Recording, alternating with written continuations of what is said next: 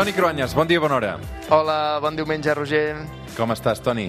Bé, bé, bé, bé, no com tu treballant, jo estic bé avui. Estic Avui tens tranquil·let. plans per aquest diumenge o no? Mira, vols saber-ho? Mira, am, Sí, home, tant. prepararé les disfresses pels nens, que aquesta setmana ja comença aquesta, la moguda del carnaval a les escoles i cada dia han de portar una cosa diferent, un barret, una disfressa tots junts a la classe el divendres, els mitjons canviats... Avui ja ho prepares, eh, per tant? És que és una feinada, o sigui, ho deixo, mena, a veure, ho deixo mig a punt perquè llavors després entre setmanes s'acumula la feina. Tu ho vas haver de fer, això, com a, com a alumne? Perquè jo sí, jo, jo a la meva escola ja em va enganxar això. I recordo que, és a dir, no sé si ho has explicat, però algun dia ens feien anar a classe en pijama. No?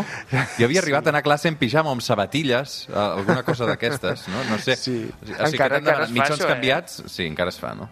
Sí. Sí, i encara sí, el el nen l'he portat ja en pijama una vegada quan era més petit. Eh, Però sí, clar, jo no sé, clar, depèn de l'escola, alguns són més pràctics, perquè una cosa és portar un barret o els mitjons canviats i l'altra és, eh, eh, sí, diguem, més complicades. Jo la, la disfressa sempre, la complicada és la del final, la del divendres, que l'has de fer tu, bueno, se suposa que el nen, clar, i... Sí. Jo sempre anava molt cutre perquè eh, acabava agafant una bossa d'escombraries, no? I després que, que et disfressaves com de, de bruixa avorrida o de... Sí, és lamentable. La, el tema de les disfresses suspens a casa meva 100%.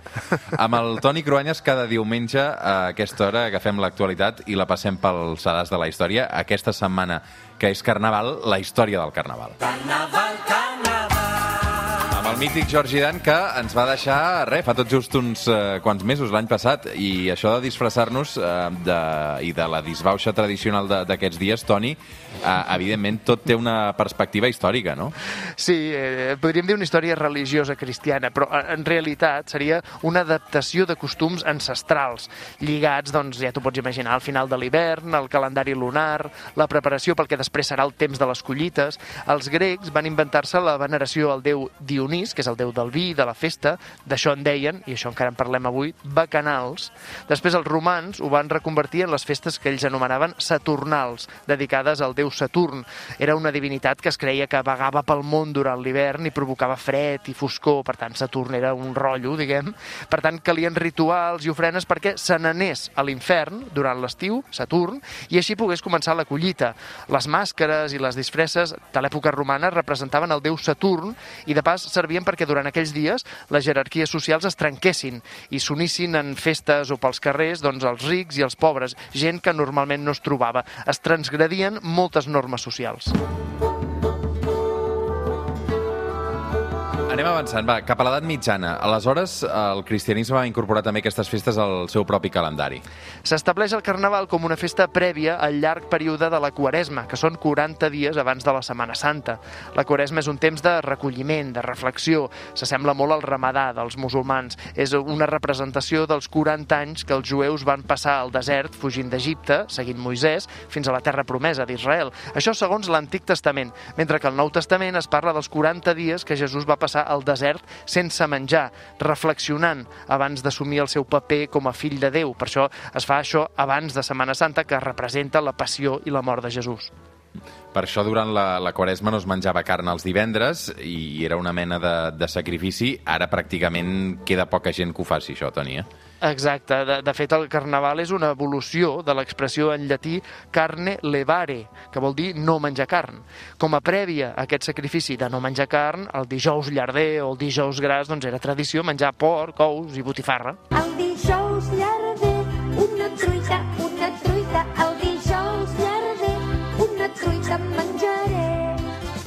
Truites i coca de llardons, també.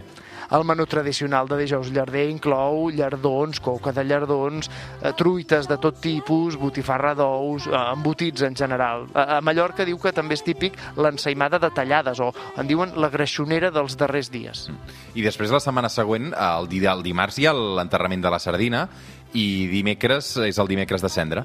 Eh, a veure, saps de què ve això de l'enterrament de la sardina? Perquè era un símbol del final de l'activitat sexual, perquè Ep. la quaresma, sí, la quaresma també era un temps d'abstinència de relacions sexuals, així que eh, la sardineta ja t'imagines què representa. Sí, A- segurament a, que a, a banda de la ironia i de la cunyeta d'enterrar la sardina, sí que Carnaval i el rei Carnestoltes a principis del segle passat van suposar un desafiament a l'ordre establert, a, a l'autoritat, a l'autoritat política, religiosa i militar. Durant la Segona República pública s'havia aprofitat el carnaval, per exemple, per entrar a convents de monges o esglésies i, i fer coses en contra de la religió, fins al punt que en el franquisme es va prohibir expressament el carnaval.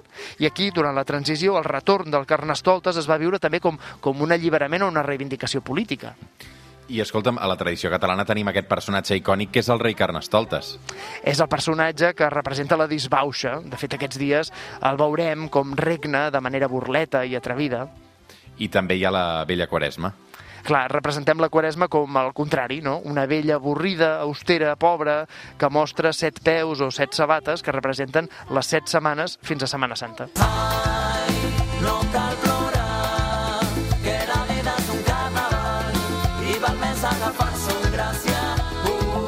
Avui la història del Carnaval, ara que comença, avui acabarem amb aquesta versió de Papet i Marieta d'un clàssic del, del Carnaval, La vida és un Carnaval. Toni Cruanyes, bon diumenge, una abraçada ben forta.